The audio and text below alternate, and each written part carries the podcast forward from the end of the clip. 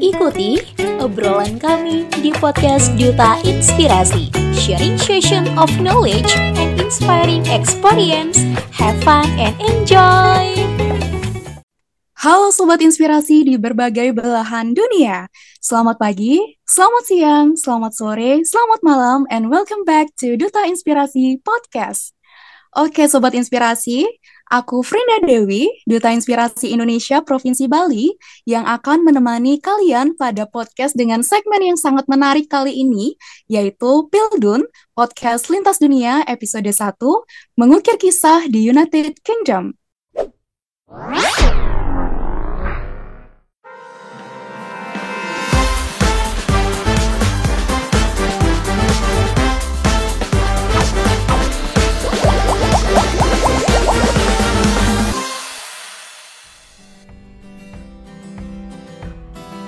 Oke, tanpa berlama-lama lagi nih Sobat Inspirasi, karena aku sudah kedatangan narasumber yang luar biasa, yaitu beliau merupakan Kak Putu Sudit Sasmita Dewi.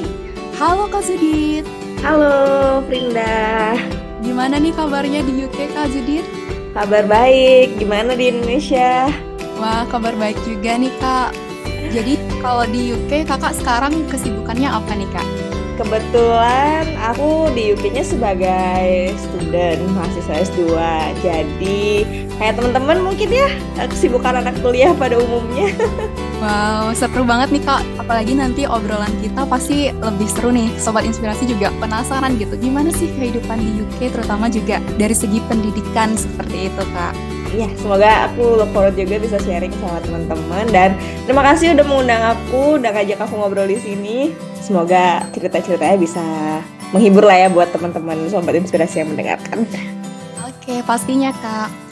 Oke Kak Judit, sebelum kita melanjutkan nih Kak obrolan seru nantinya terkait gimana sih kakak di UK, izinkan aku untuk menyampaikan fakta menarik ataupun memperkenalkan kakak nih kepada Sobat Inspirasi semuanya.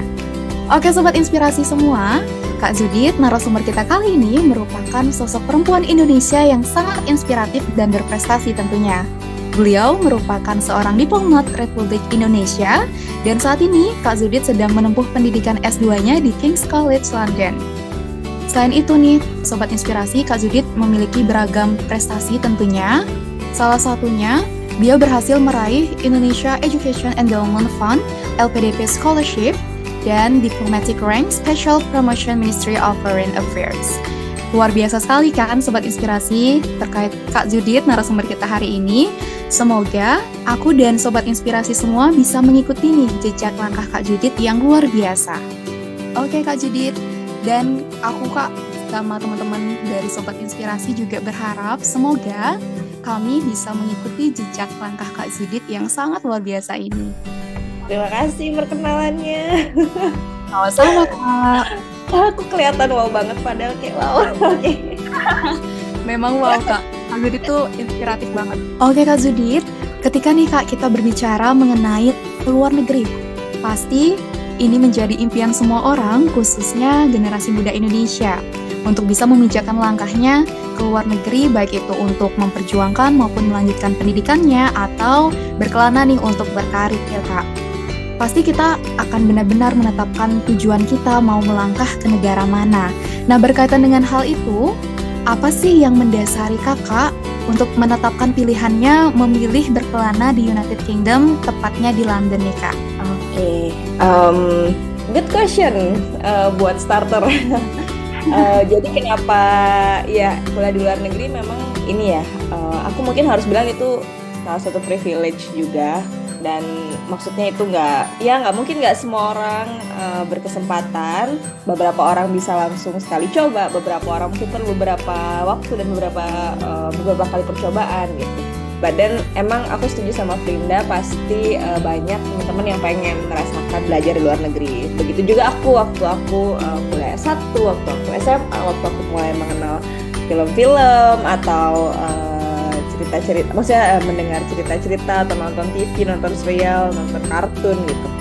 Kenapa UK untuk studi S2 alasanku waktu itu ada tiga. Pertama reputasi. Kasih reputasi UK sebagai tujuan pendidikan internasional ya. Kan UK UK itu memang negaranya itu emang banyak kampus ternama. Secara environment dia memang merupakan satu negara yang memang banyak mahasiswa international studentnya, which is bagus berarti kan lingkungannya untuk pendidikan karena ada banyak student dari berbagai negara. Nah, terus yang kedua yang jadi pertimbanganku juga adalah program jurusan yang aku pilih kebetulan memang yang menurutku cocok yang aku pengen yang aku maksudnya aku ingin pelajari yang mungkin inline dengan tujuan atau future karirku tuh cocoknya di kampus di UK dan yang ketiga juga ini pertimbangan sangat personal durasi. Karena durasi ini kenapa aku bilang personal? Ada yang prefer kuliahnya mungkin lebih lama teman-teman mungkin tahu kalau S2 ada yang satu tahun ada yang dua tahun ada yang sembilan bulan ada yang setengah tahun. Nah untuk di UK memang rata-rata itu satu tahun. Jadi itu salah satu pertimbanganku juga. Durasi waktu yang menurutku satu tahun itu cukup lah untuk aku mengenyam S2 gitu. jadi kalau disimpulin ada tiga reputasi UK-nya sebagai international destination buat study kedua uh, kesesuaian program dan ketiga durasi kuliahnya Wow, luar biasa banget Kak Zudit. Dan aku tadi juga menangkap hal menarik nih dari Kak Zudit bahwa kan kita sebagian generasi muda ya Kak, apalagi kita juga memiliki impian untuk bisa keluar negeri gitu. Tadi juga aku setuju banget sih sama Kak Zudit. Kita, aku pun begitu Kak, karena kalau aku juga ingin suatu saat nanti uh, bisa memijakkan langkah seperti Kak Zudit. Nah, aku juga sering Kak mencari informasi, apalagi nonton vlog mahasiswa internasional di YouTube. Itu sangat membantu banget. Oke, okay. iya. Uh, sekarang apa YouTube sumber informasi dan tempat belajar sih kataku. Iya bener banget. Kalau kita bener memilih kontennya gitu. Iya. Dan kayak kita lebih tahu gitu, oh negara ini seperti ini. Apalagi jadi tadi mendasari kakak untuk memilih UK itu kan ada tiga poin ya kak ya. Nah itu juga masuk banget karena ketika apalagi kalau berbicara tentang UK kayak itu uh, UK kan masuk uh, salah satu negara dengan kualitas pendidikan terbagus di dunia ya kak ya. Nah kak Judit, jadi aku ingin tahu lebih dalam nih kak, karena ini menarik banget. Kalau dari segi pengalaman kakak ya selama sudah menempuh pendidikan di UK, itu apa sih kak yang membedakan antara kurikulum di UK dengan di Indonesia kak? Mungkin sobat inspirasi ingin lebih tahu gitu kak, seperti apa? Oke, okay, um, untuk pertanyaan ini mungkin aku nggak bisa jawab secara tepat atau general ya karena kan aku di UK juga spesifik untuk kuliah S2 jadi kalau pertanyaan soal perbedaan berarti yang bisa aku jawab memang dalam konteks uh, studi master aja atau S2 gitu uh, mungkin overall yang aku bisa tarik garis nih bedanya apa aja sih gitu. Pertama tadi aku udah sempat sampaikan durasi. Kalau durasi memang di UK rata-rata setahun. Ada program yang mungkin dua tahun atau 9 bulan tapi itu um, ya tapi mostly semuanya satu tahun. Mungkin berbeda sama kampus-kampus S2 di Indonesia juga termasuk ya di Indonesia di Amerika di Australia mungkin atau negara tujuan uh, studi lainnya. Dia Eropa lainnya mungkin rata-rata dua tahun.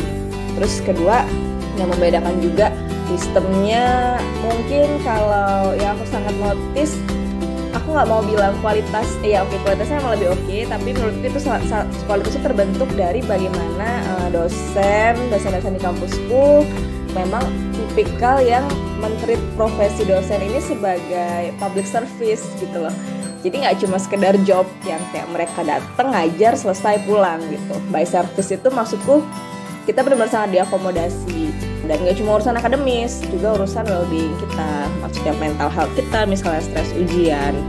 Terutama mental health juga buat international student buat adaptasi sama lingkungan gitu. itu hal yang aku nggak temukan mungkin di kampus-kampus Indonesia ya. Support untuk mahasiswanya itu terlepas uh, di luar uh, support akademik support akademik pun mungkin aku ngerasa waktu aku S1 tidak sefungsional itu ya kita mungkin punya DPA dosen pembina akademik tapi I'm not sure it works. Sementara di sini tutor itu dosen dan benar-benar sangat penting perannya. Jadi kita dibuatkan regular meeting, kita bisa curhat apa aja, kita bisa dibantu memilih matulnya. Dan itu jadi poin ketiga aku perbedaannya.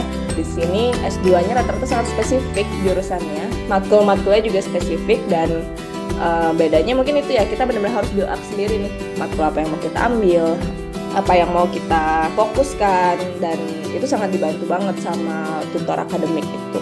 Terus perbedaannya lagi kalau luar negeri sama di sini ya paling jelas ya komposisi studentnya. Kalau di Indonesia ya pasti kita lebih banyak ketemu teman-teman domestik kan. Tapi kalau di UK ya karena tadi aku bilang dia tujuan studi internasional, of course dia banyak banget mahasiswa internasional dari berbagai negara dan by berbagai negara benar-benar dari berbagai negara ya. Um, ya tiba-tiba aku punya teman dari negara yang mungkin teman-teman mungkin jarang dengar ya temanku dari Lituania, ada yang dari Yunani, ada yang dari Amerika. Jadi kayak dari Afrika dari Meksiko. Jadi benar-benar dari segala sudut dunia tuh ada. Dan somehow budaya belajarnya juga jadi sangat open gitu. Uh, karena kita tuh sangat dorong untuk mengungkapkan um, isi pikiran kita. Dan no judgment gak ada benar salah. Dan di sini relasinya benar-benar antara dosen sama mahasiswa itu sangat um, bukan relasi vertikal gitu lah atas bawah tapi benar-benar seperti temen gitu kayak dosen tuh minta maaf itu hal yang wajar di sini. Mereka minta maaf karena nggak bisa ngajar mereka minta maaf karena terlambat mereka mungkin minta maaf karena ngerasa mereka nggak mengajar dengan baik atau ngerasa mereka nggak perform well gitu. Itu menurutku hal yang aku jarang temukan ya di waktu kuliah S1 kayak I never heard ada seorang dosen gitu atau apa misalnya mau meminta maaf dan dan untuk mahasiswa pun uh, di sini itu sangat terlatih buat mengungkapkan pikiran jadi nggak ada yang namanya malu nggak ada yang namanya takut salah nggak ada yang namanya takut dijudge gitu jadi sini enaknya lebih open sih aku ngerasanya dan I'm sure mungkin di negara lain juga seperti itu gitu karena komposisi mahasiswa internasionalnya banyak itu kali ya panjang jadinya maaf ya Gak apa-apa kak, itu sangat bagus banget kak. Jadi informasinya lengkap banget kita dapat dari kak Zudi. Thank you kak. Ayo, sama-sama. Tapi ya itu beda banget sih. Iya bener banget kak. Apalagi kakak tadi juga menyampaikan itu sesuai banget sih kak dengan apa yang mungkin aku sering baca di artikel ataupun di platform sosial media lainnya bahwa pendidikan di Indonesia maupun di luar negeri khususnya UK yang seperti tadi kakak bilang dosen-dosennya itu sangat mengayomi dan tidak terlalu uh, mungkin bisa dibilang tidak kaku gitu untuk mahasiswanya jadi benar-benar kita diberi kebebasan bagaimana kita bisa meningkatkan analytical thinking kita, berani berpendapat, dan budaya yang tadi kakak bilang di pendidikan itu sangat menarik banget di mana setiap dosen itu benar-benar kayak kita tuh difasilitasi sekali baik dari bagaimana mental kita diperhatikan karena itu penting banget karena setiap mahasiswa pasti kondisi psikologisnya tuh beda-beda ya kak ya Oh iya, dan itu kan kadang hal yang luput ya mungkin ya dari uh, sini. Maksudnya um, kita tuh kalau sebagai mahasiswa ya memang pasti namanya institusi pendidikan fokusnya sangat target, nilai, uh, performance gitu-gitu kan, uh, eh, IPK atau apa pun gitu.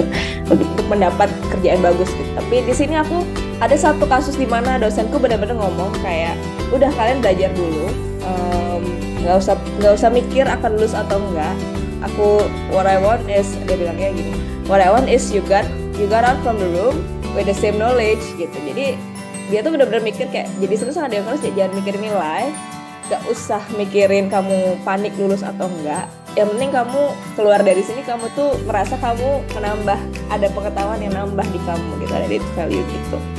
Nah itu yang aku mungkin nggak rasain ya. Encouragement encouragement yang menurutku jarang aku temui waktu aku S1 di Indo Wah, itu sangat menarik banget Kak Zudit. Jadi kayak ditanamkan berarti kayak oleh dosen juga bahwa ya, kalau kalau nilai itu bukan segalanya. Oh bener banget Kak. Itu penting tapi yang lebih penting adalah proses kita mencerna ilmunya, ngerti. Jadi intinya uh, di sini memang sangat di encourage itu ya result penting, assignmentmu di akhir, apa pun tugas akhirmu nanti yang menentukan grade-mu itu penting, tapi yang lebih penting lagi adalah proses pembelajarannya, di mana kita bisa nangkep ilmunya, bisa memahami apa yang disampaikan. Jadi the very definition of process matters lah di sini. gitu. Oke, Kak, itu sangat keren banget sih Kak, bener banget bahwa mungkin nilai itu penting ya Kak, tapi kebanyakan kita sebagai mahasiswa itu kalau hanya berfokus pada nilai itu kita akan lupa gitu proses kita untuk apa sih yang kita dapatkan itu bagaimana kita implementasikan nanti begitu berarti Kak ya. Iya, dan ngomongin nilai nih kalau boleh aku nambahin di sini juga sangat fair jadi nggak strict yang oke okay, keluar nilai terus kamu udah langsung di sini mereka sangat open kalau misalnya kamu mau protes kamu mau kamu merasa you deserve better grade-nya kamu bisa challenge lah kayak minta penjelasan. Apa reasoningnya kenapa nilaiku dapat segini misalnya? Atau kayak sebenarnya standar apa sih yang kamu mau kalau supaya aku dapat nilai yang bagus? Mereka sangat open gitu loh bukan tipe yang menyembunyikan atau enggak atau yang eh, nggak uh, boleh tahu gitu. Jadi sangat terbuka untuk segala hal itu sih yang aku uh, suka ya mungkin ya yang menurutku aku rasakan Oke kakak itu bener banget sih kak. Jadi kita lebih bisa mengevaluasi mungkin kak ya apa yang mungkin sekitarnya kita kendala dan lain-lain. Jadi kita bisa mendapatkan solusi untuk mengatasinya. Oke iya, kak. Bener. Nah, tadi kita udah banyak banget berbincang mengenai gimana sih Kak pendidikan di UK selama Kakak di sana. Dan aku ingin bertanya nih Kak selanjutnya kepada Kak Judith bahwa kalau di UK itu kan terkenal Kak dengan negara dengan sistem kerajaan gitu. Nah, ketika Kakak hmm. sampai di UK itu apa sih Kak yang membuat Kakak wow, amazing gitu. Mungkin kayak wow ini keren banget gitu dari pas sampai gimana sih Kak? Pengen tahu deh. Oh. waktu aku nyampe itu kebetulan kan tahun 2022 September kemarin ya. Waktu aku nyampe itu waktu pas banget Hamin satu uh, funeralnya Queen. Jadi kan uh, Ratu baru meninggal kalau nggak salah tahun lalu. Um, kemudian waktu aku sampai London itu tuh pemakamannya tuh diadakan di hari aku nyampe gitu dan bener di ya waktu ya jadi aku kayak wow real experience banget. Anyway ya jadi aku nyampe bener-bener ngeliat gimana festif. Well kondisinya emang lagi berduka morning tapi kayak aku ngeliat gimana festifnya orang-orang UK terhadap sistem kerajaan ini ya kepada monarki ini. Kayak kita kan sering bilang didengar kayak monarki itu ya udah cuma pajangan doang. But then di sini orang-orang love the system gitu mungkin ya aku mikir ya. Dan apa yang bikin aku impress itu satu itu menurutku pengalaman yang nggak mungkin ditemui dua kali I mean nggak um, tiap tahun kan ada funeral kerajaan dan aku nggak mau jinx ngomong bukan tiap tahun ada uh, ini keluarga kerajaan meninggal badan again ya itu satu pengalaman yang menurutku wow aku nggak expect aku bisa ngeliat ini gitu ketika aku pindah ke UK Terus London tuh lebih spesifik karena UK kan luas ya. Aku sendiri sekolahnya di London di ibu kota. Jadi uh, di sini London sangat diverse, bener-bener yang orang-orangnya campur dari berbagai minoritas, dari berbagai mayoritas suku. Kamu bisa lihat teman-teman Asia, Eropa, kulit putih, kulit berbagai background, you name it ada di sini. Jadi bener-bener melting pot buat semua culture menurut kalau London kemudian terus yang bikin aku suka juga waktu pertama nyampe adalah hmm, dia ibu kota dia modern dia maju mungkin dari banyak hal but then ada beberapa gedung yang di preserve jadi kayak nilai-nilai tradisional nilai gedung upstory itu masih stand still gitu loh kayak gimana aku bisa ngeliat Buckingham Palace misalnya atau ngeliat museum-museum di sini terus uh, berbagai gedung-gedung tua lah yang awalnya aku cuma lihat di film-film nih kayak Big Ben, London Eye gitu terus istana istana istana dan ya dia cantik lah aku bilang landmarknya ya. Ada banyak hal yang enak diekspor di sini. Terus karena aku anaknya cuma yang bikin aku agak shock uh, Frinda mungkin ngerti karena kita sama-sama dari Bali kita anak pulau. Satu tahun dapat matahari terus. Nyampe sini kayak wah cuaca yang labil sekali. Kayak tiba-tiba dia bisa hujan tiba-tiba dia cerah dan kayak pas nyampe mungkin karena waktu itu sistemnya emang lagi ini gloomy banget. Jadi kayak berasa gitu um, eh nggak nggak enak lah cuacanya nggak bikin happy gitu. Apalagi dekat-dekat mau musim dingin tuh winter tuh bener-bener yang ah, jam 4 udah gelap jam 4 sore udah gelap. Jadi kayak berangkat kuliah tuh udah mulai-mulai gelap pulang tuh gelap juga. Jadi kayak depres lah bahasanya gitu. Oke Kak Zidit, aduh. Iya denger ceritanya kakak tuh kayak nggak gini loh kak, kayak bener-bener gimana sih? Kayak terbayang gitu loh di sana. Oh kayak gitu ya di apalagi aku tuh sering banget lihat uh, di Instagramnya kakak kan. Gimana sih kakak mungkin explore kayak gitu tuh seru banget. Ya Jadi, aku penggemar Conan. Detektif Conan oh, komik iya? kalau kalian baca detektif Conan. Suka oh. banget aku. Nih nah jadi Conan tuh kan inspirasinya Sherlock Holmes ya jadi tuh first thing I do itu waktu dia nyampe sini tuh ya selain itu mainnya ke situ ke Sherlock Holmes Museum gitu. Mungkin itu juga salah satu alasan aku milih UK ya. Ada personal interest selera aku yang pengen aku lihat sendiri. Dengan datang ke UK gitu. Dan jadi ya aku happy sih ngelihat banyak hal di sini. Dan semoga kalian bisa jadi kalau ada yang punya cita ke UK juga. Astengkare ya kak, semoga kita juga bisa seperti Kak Zudit. itu, aduh kak, itu keren banget sih. Oh ya kak, kalau kakak hmm. di UK pasti nggak mau menyia-nyiakan waktu kak ya, kan nggak mungkin hanya pendidikan gitu, nggak hanya kuliah, pasti kakak sering banget nih suka ekspor UK di berbagai tempat mungkin kayak gitu. Nah pasti yeah. kak kalau living cost, apalagi kalau kakak suka ekspor misalnya gitu kak. Kalau setiap negara itu kan beda-beda ya kak, keunikannya dan keberagamannya itu beda-beda. Terus kalau living cost pun setiap negara itu kan beda-beda. Nah gimana sih kak kalau living cost di UK itu? Uh, Oke, okay. ngomongin living cost, aku mungkin bilang London itu termasuk kota yang relatif mahal ya. Kalau melihat kota lain, nggak usah keluar UK dulu deh. Maksudnya di dalam UK aja tuh uh, London ini hitungannya mahal kan kayak ada kota lain kayak Liverpool, Manchester mungkin relatif lebih murah gitu tapi ya sama aja kayak ibu kota pada umumnya kayak kita di Indo hidup di Jakarta bisa lebih mahal daripada hidup di Bandung misalnya tapi Bandung deket deh ya atau di kota lain misalnya ya aku bisa bilang di, dan di sini tuh yang mahal tuh mungkin bills energi ya karena kayak listrik, gas, air gitu. Mungkin dikelola karena sama swasta kali ya jadi kayak ada kalau ini kan kalau di Indo kan perusahaannya BUMN ya dikelola negara gitu jadi kayak public supply gitu public subsidize. Kalau di sini enggak gitu jadi um, tiap tahun tuh di sini yang jadi kendala itu aku perhatiin adalah krisis energi. Terus kemudian housing juga nyari kos nyari akomodasi itu susah banget. Untuk nyari harga yang tepat sama budget kita gitu. Lagian aku di sini kan beasiswa ya jadi kalau aku ngomongin living cost perspektifnya kebalik gitu loh. Aku hidup dengan apa yang diberikan sama beasiswaku gitu. Jadi let's say dari uh, eh, LPDP itu kan untuk di UK dapatnya 1.600 pound sterling. Nah ya udah aku hidup mau nggak mau aku harus dengan segitu bukan kebalikannya bukan. Aku spend berapa untuk hidup kemudian segitulah rata-rata pengeluaran sebulan gitu enggak. Dan dengan segitu aku bisa bilang kayak it's barely enough.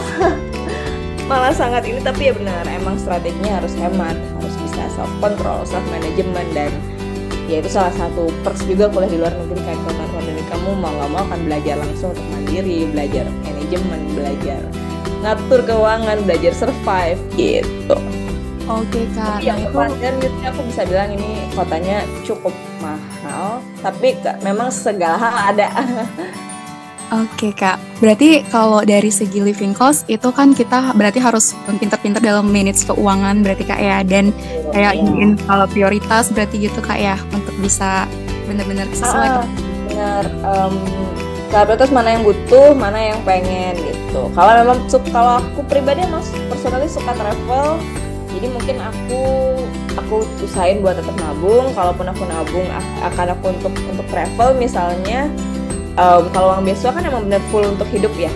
Jadi aku udah pakai tabunganku aja tuh untuk jalan-jalan gitu. Jadi kalau bisa uang ini tuh nggak usah disentuh lah untuk kebutuhan pribadiku gitu. Jadi emang harus diprioritasin. Misalnya kamu sukanya jajan ya mungkin nggak apa-apa banyak keluar jajan tapi mungkin transportnya harus hemat. Transport itu mungkin kamu bisa kali dengan kamu jalan kaki atau sepedaan gitu misalnya. Atau kebalikannya misalnya kamu suka traveling mungkin makannya yang dibikin hemat gitu sih. Jadi beda-beda sih cara orang cope up ya karena kan selera preference dan tiap mahasiswa beda-beda.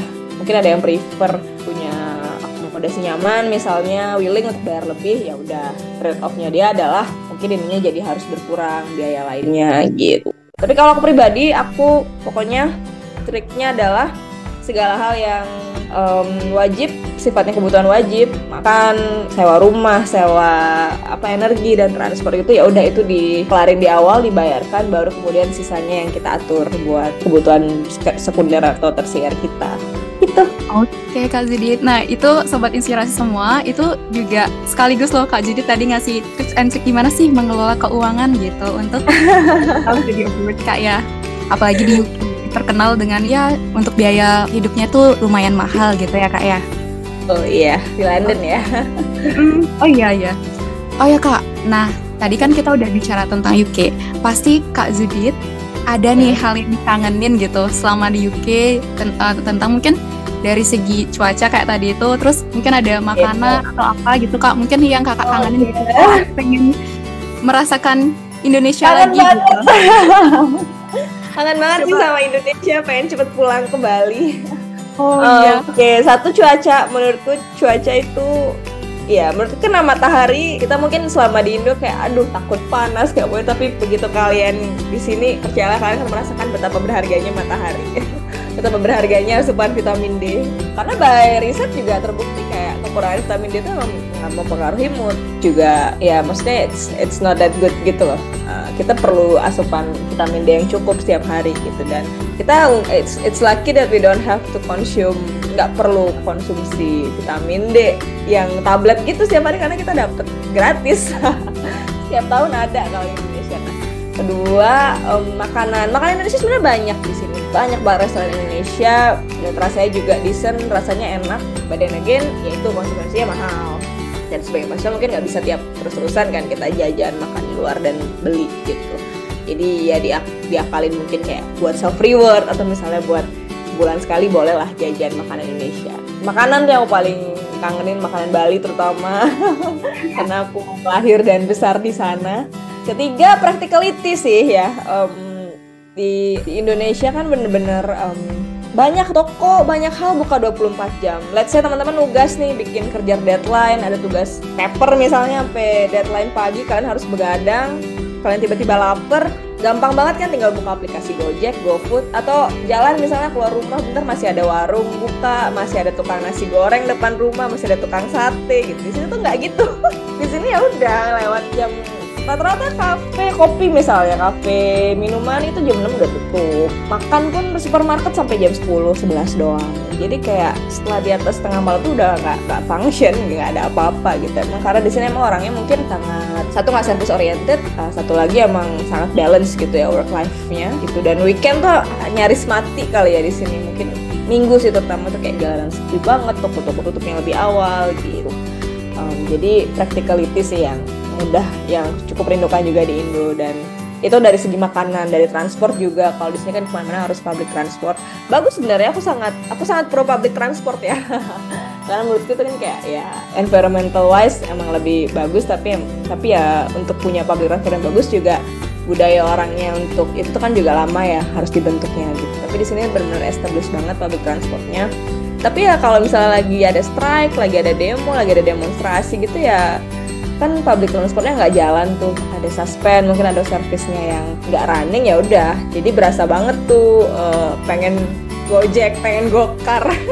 Atau pengen rasanya tuh pengen naik motor sendiri aja kampus atau ke mana gitu. Nah ya itu sih plus minusnya kali ya. Um, oke okay, kan Judit berarti uh, selama di UK itu yang dikangen dari ini sebenarnya antara UK dan Indonesia itu ada plus minusnya kayak kayak tadi Kak Judit bilang.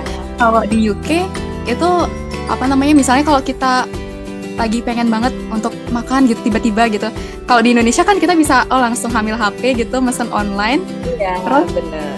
Ya kalau di Indonesia kita juga mau ke mana ke mana-mana misalnya kalau lagi urgent banget itu kita bisa tinggal pakai motor gitu, tinggal langsung gas gitu. Kalau di UK berarti yes. kurangnya misalnya kalau ada urgent jalan, nunggu public transport atau mungkin bisa pesen Uber, cuma ya harganya nggak friendly buat ya buat mahasiswa atau buat buat pada umumnya pasti jauh lebih mahal. Oh oke okay, Kak Judit. Oh, nah Kak Judit eh, kan kita udah bincang-bincang nih tadi tentang ya. Indonesia. Gimana sih kangennya Kak Judit Indonesia dan di UK? Nah ini udah kita masuk ke last question nih Kak Judit. Um, kalau dari Kak Judit, uh, aku ingin banget kakak bisa gimana sih kak untuk tips and trick bagi generasi muda Indonesia khususnya ya kak ya yang ingin ataupun memiliki mimpi untuk bisa melanjutkan pendidikannya atau ingin berkelana ke luar negeri apa sih kak sekiranya yang memang harus kita benar-benar persiapkan lebih awal gitu kak? Oke, okay, um, persiapan ya berarti. Oke, okay pertama banget menurutku kuliah ke luar negeri itu kuncinya dua pertama satu emang kemauan teman-teman emang harus pengen emang harus. Mungkin mimpi impian cita-cita atau kayak sekedar kepo aja itu nggak masalah. Yang jelas tuh emang kalian harus motivasinya dari diri sendiri dulu gitu loh. Bukan karena ih kayaknya keren. Terus kayak ikutan teman atau apa atau didorong orang tua atau dipaksa gitu. Jangan gitu. Jadi pertama kali menurutku emang harus um, ada kemauan buat emang pengen step up keluar gitu. Kedua emang kesempatan dan kesempatan ini bener uh, mungkin ada yang bilang kesempatan itu ya udah uh, tergantung situasi tapi kayak kesempatan juga harus kita kejar gitu. Siapa misalnya pertama yang harus pengen teman-teman ini make sure oke pengen keluar pengen kuliah pengen pengen apa dulu tujuannya pengen kuliah kah apa pengen kerja gitu. Kalau pengen kuliah of course ya udah make sure dari awal teman-teman mungkin tahu apa yang pengen dilanjutkan kuliahnya terus uh, riset-riset kampusnya riset uh, jurusan yang dipengenin gitu. Terus uh, untuk kalau aku sendiri kan kebetulan beasiswa ya. Jadi uh, memang harus double effort. Riset beasiswanya riset kampusnya tapi again itu bisa dilakukan berbarengan. Um, jadi aku emang saran itu prepare itu benar-benar prepare kalian tahu apa yang dipengenin terus check the deadlines itu yang penting. Terus kalau boleh go into more details misalnya untuk beasiswa aku saran banget teman-teman emang prepare bahasa Inggrisnya gitu. Emang mitosnya itu kan kayak kuliah di luar negeri harus pinter banget bahasa Inggris. Tapi ya again nggak nggak juga gitu. Selama kalian mau belajar mau berkomunikasi maksudnya mau ini tuh di sini tuh mereka nggak nggak strict nggak yang ih bahasa Inggrismu jelek gitu nggak nggak gitu jadi kayak yang penting kalian bisa ngomong aja tuh saya, kalian akan survive gitu dan itu kalau buat persiapan benar-benar disiapin bahasanya. IELTS lah misalnya TOEFL dicek semua persyaratan kampus ya persyaratan beasiswa juga. Gitu. terus um, aku sih personalnya emang uh, ngerasa ini mungkin yang jarang di mention orang-orang benar mungkin kuliah di luar negeri itu gratis karena kita beasiswa ditanggung segala hal. Tapi again mendapatkan beasiswa prepare untuk beasiswa itu butuh uang butuh dana gitu. Dan menurut kita hal yang harus kalian prepare juga gitu. Caranya gimana ya? Cara orang beda-beda mungkin ada yang cukup beruntung masih bisa disupport sama orang tuanya atau mungkin uh, tapi ada juga yang mungkin teman harus kerja dulu gitu. Tapi kayak either way mana pun itu bener caranya nggak nggak masalah penting. Karena emang bener kalau buat persiapan S2 atau kuliah cari beasiswa itu emang kalian perlu dana yang aku bisa bilang nggak sedikit gitu. Kayak mau tes IELTS saja misalnya itu kan kayak kalian perlu 3 juta untuk tes. Yang kalau satu kali hasilnya langsung bagus atau sesuai syarat gitu. Kan ada ada kan harus ngulang misalnya. Kalau langsung one shot it's it's so, so excellent bagus gitu. Tapi ya itu lagi um, kemudian ada juga untuk nggak tahu ya misalnya kayak kemarin aku sempat apply di Amerika juga ada beberapa dokumen yang butuh penyetaraan bla bla bla itu kan perlu modal juga. Dan untuk banyak hal itu memang kita emang harus siap modal dulu baru kemudian di reimburse gitu sistemnya. Ya jadi itu sih menurutku satu kemauan dua mengejar kesempatan dan ketiga finansialnya harus ini. Jadi makanya mungkin itu kenapa untuk teman-teman yang S2 aku sendiri aku bukan bilang teman-teman yang dari S1 langsung S2 itu buruk atau lebih baik jangan. Semua orang jalannya beda-beda tapi kalau aku personally memang ngerasa karena aku sempat kerja dulu setelah S1 aku lebih mudah aja untuk kursus S2 nya gitu. Hope it helps ya Oke sobat inspirasi semua, tadi luar biasa banget udah dikasih tips and trick nih dari Kak Judit mengenai bagaimana sih ketika kita ingin untuk berkelana ke luar negeri ataupun ingin melanjutkan pendidikan ke luar negeri, apa sih harus yang kita benar-benar persiapkan. Tadi ada tiga poin menarik banget dari Kak Judit bahwa ketika kita ingin melanjutkan pendidikan atau kita memiliki mimpi nih untuk bisa ke luar negeri, itu benar-benar harus didasari oleh diri kita sendiri, kemauan dari diri kita, kemudian juga kita harus mengejar kesempatan itu bahwa semua dari kita pasti memiliki kesempatan namun itu kembali lagi bagaimana cara kita memaksimalkan kesempatan tersebut.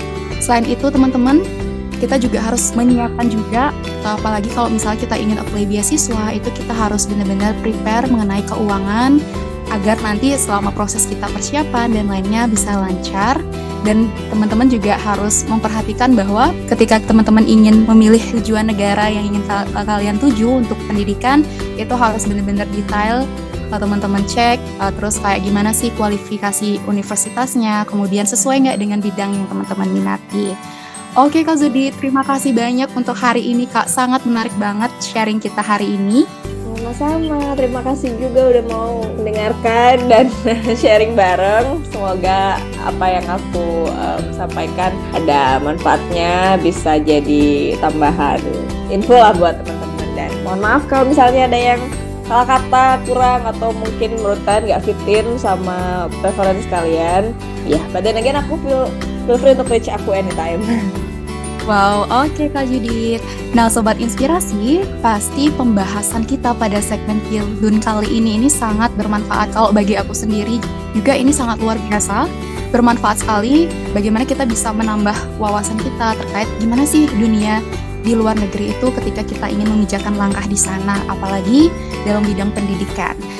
Nah, waktu itu benar-benar cepat sekali berjalan dan berlalu, sudah tidak terasa gitu. Jadi kita sudah di penghujung dan akhirnya hari ini kita akan segera mengakhiri podcast hari ini. Tapi sebelum itu Kak Judit, aku ingin uh, Kak Judit untuk bisa memberikan closing statementnya untuk pesan inspiratif untuk pendengar setiap podcast Duta Inspirasi Podcast pada episode kali ini.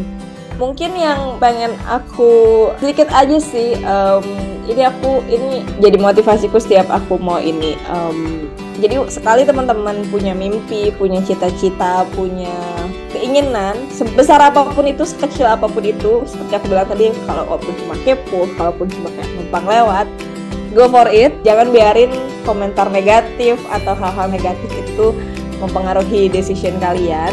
Kalian yang tahu diri kalian sendiri jadi selalu self aware sama apa yang kalian mau apa yang kalian mampu.